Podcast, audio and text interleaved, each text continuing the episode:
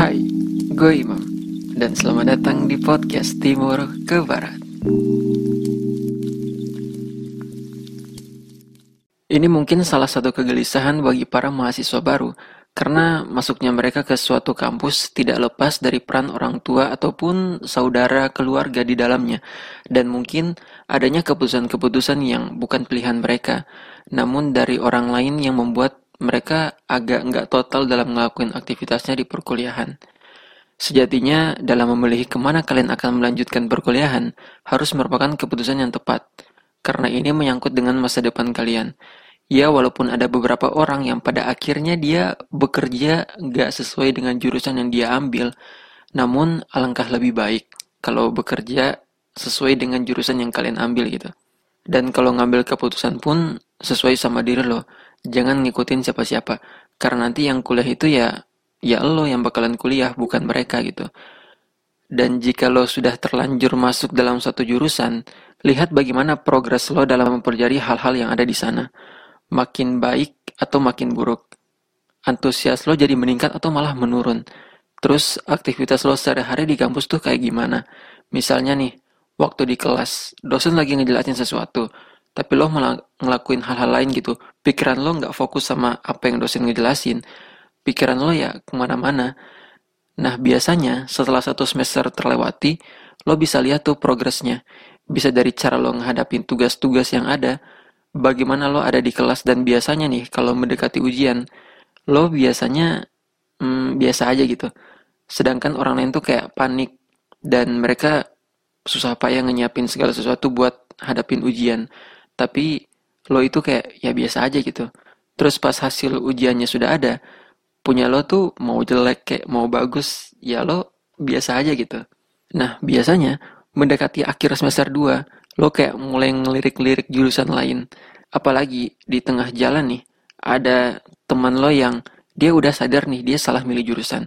Terus dia udah ngambil jurusan lain. Dan ternyata keputusannya itu tepat. Dia lancar dan sukses di bagian yang emang dia pengen gitu Nah itu lo pasti bahkan makin gelisah dan gue anjurin cepat-cepat buat cerita ke orang tua terus lo segera ambil keputusan.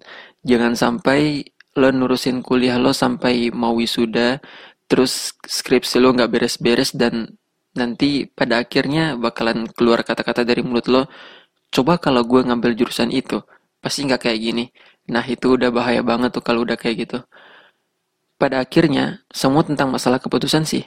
Jadi lo harus cepat-cepat dan tepat dalam ngambil keputusan itu. Apalagi keputusan itu udah matang karena ditopang sama persetujuan dari orang tua. Tapi kalau lo mau ngambil keputusan, terus orang tua lo nggak setuju, tapi dalam hati lo tuh lo bener-bener maksa nih sama lo yakin, terus akhirnya orang tua lo tuh mau buat lo pindah jurusan tapi ya karena terpaksa gitu.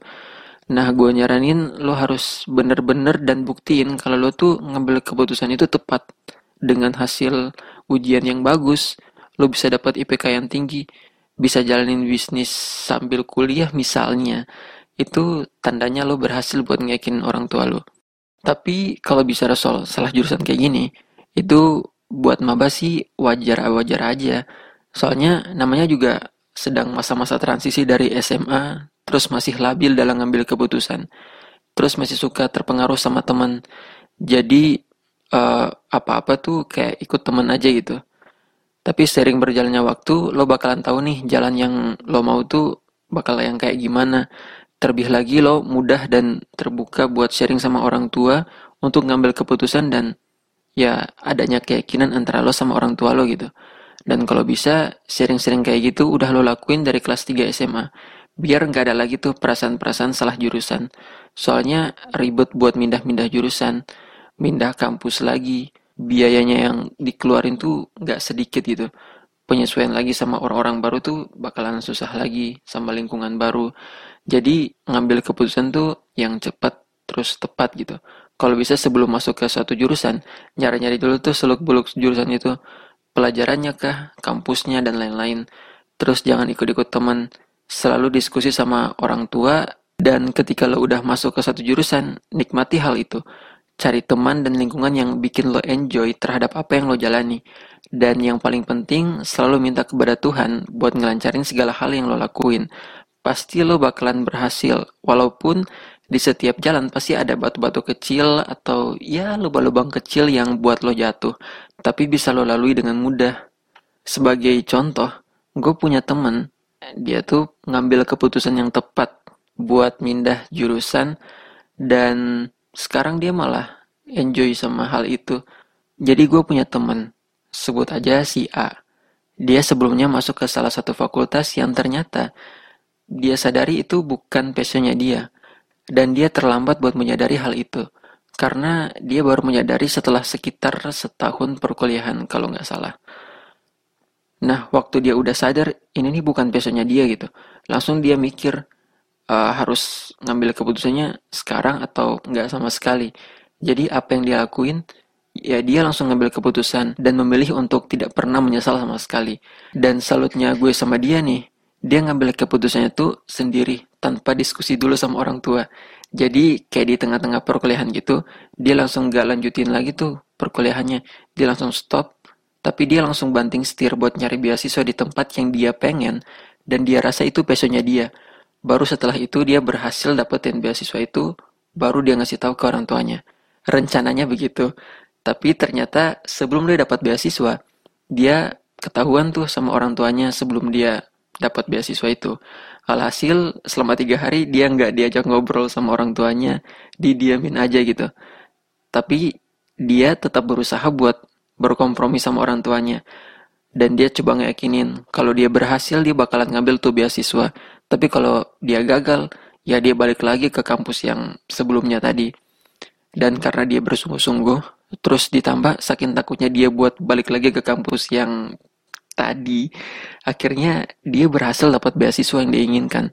Orang tuanya pun setuju karena ngelihat anaknya berhasil ngebuktiin kalau dia benar-benar pengen masuk ke kampus pilihan dia dan berhasil dapetin beasiswa. Terus gue nanya lagi dong, emang awalnya kenapa sampai dia bisa salah jurusan? Dan dia jawab waktu SMA, dia belum bisa nentuin ke mana dia akan lanjut kuliah. Sampai-sampai waktu teman-temannya tuh udah pada ikut SBMPTN, SNMPTN, ngikut tes sana sini, dia tuh malah nggak ikut dan pada akhirnya ya dia ngikut orang tua aja gitu nyuruh dia masuk ke kampus ini jurusan ini dan pada akhirnya jalan yang dia ngambil ternyata salah gitu. Terus sebenarnya pada awalnya dia tuh pengen kuliah di luar negeri tapi nggak diizinin. Jadi disuruh kuliah di mana pun ya dia ngikut-ngikut aja gitu. Jadi dari pribadinya dia sendiri itu menurut dia 80% kenapa dia salah jurusan karena dia belum mengenal passionnya apa. Terus dia nggak berani buat ngambil keputusan. Dan sadarnya dia juga terlambat bahwa ternyata dia salah nih buat masuk ke sini. Tapi ya menurut gue mending terlambat dan pada akhirnya bisa ngambil langkah yang tepat. Daripada nggak nyadar sama sekali dan lo terjebak dalam kebingungan masa depan hingga lo nggak punya tujuan hidup dan nggak ada yang lo bisa kembangin dari diri lo. Terima kasih sudah mendengarkan. Bye.